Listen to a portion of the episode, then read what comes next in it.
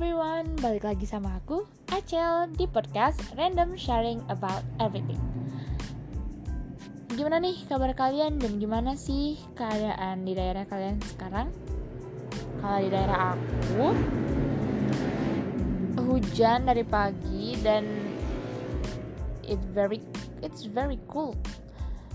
Dan bikin aku tuh pengen rebahan terus guys. Ini juga aku lagi diselimut karena tangan aku dingin banget by the way sebelum aku memulai masuk ke topik dari podcast ini aku mau minta maaf dulu nih kalau ada suara berisik kendaraan motor mobil karena rumah aku pinggir jalan jadi ya kayak gini lah keadaannya oh ya di podcast kali ini aku mau sharing sama kalian tentang organisasi dan akademik Which one do you choose? Hmm, kalau aku sendiri, aku adalah orang yang akan menomorsatukan akademik, tetapi tidak mengesampingkan organisasi. Because for me, organisasi juga sama-sama penting dengan akademik. Aku tuh sekarang lagi ngejabat di satu organisasi di kampusku dan jadwalnya cukup padat dari acara satu ke acara yang lainnya. So I hope I can uh, deal with my time. I can manage it carefully dan aku bisa tetap fokus di kegiatan akademik aku.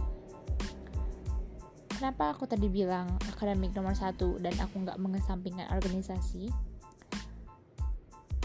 karena aku pikir ketika aku masuk kuliah tujuan pertamaku memang belajar pasti akademik nah melalui kuliah aku bisa masuk organisasi-organisasi dan aku bisa bertemu dengan orang-orang hebat dan aku yakin dalam suatu organisasi itu aku bakal bertemu orang yang bisa membantu uh, aku mewujudkan masa depanku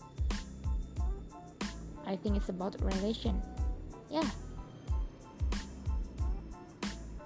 Karena aku lihat di zaman sekarang relasi itu emang sangat penting sih buat kita ke depannya nanti. Mau relasi untuk pekerjaan, mau relasi untuk um, pendidikan, maupun untuk holiday. Coba bayangin, kalau misalkan kamu punya seorang teman yang bergerak di bidang pariwisata. Ketika kamu ingin liburan ke sana, kamu tinggal kontak dia dan dia akan membantumu untuk menyiapkan uh, bantu cari hotel dan destinasi wisata yang recommended di daerah tersebut. Itu salah satu contoh kecil dari relasi yang akan kamu dapatkan. Ya, kenapa aku ambil contohnya holiday? Ya karena it, it's fun ngebayanginnya aja enak gitu kan healing so tapi kalau misalkan aku sedang berada di fase bosen untuk organisasi mungkin aku bakal istirahat sejenak.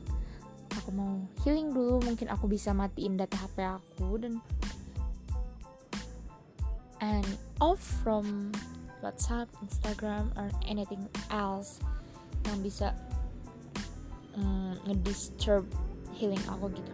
Karena se ambis-ambisnya kita terhadap suatu akademik atau pelajaran, eh pelajaran atau organisasi pasti akan berada di titik bosan, jenuh. And it's normal. Gak ada orang yang gak pernah ngerasain bosan So, saran aku buat kalian mahasiswa atau calon mahasiswa ayo manfaatin waktunya untuk belajar tentunya dan organisasi. Jangan sampai cuma jadi mahasiswa kupu-kupu. Karena segala sesuatu rintangan yang kamu hadapi pengalaman pembelajaran yang kamu miliki dari organisasi tersebut akan bisa kamu ceritakan kelak di masa depan. Well, mungkin sekian untuk podcast kali ini maaf kalau agak geje atau berisik atau apalah. Karena ya makasih banget yang udah dengerin.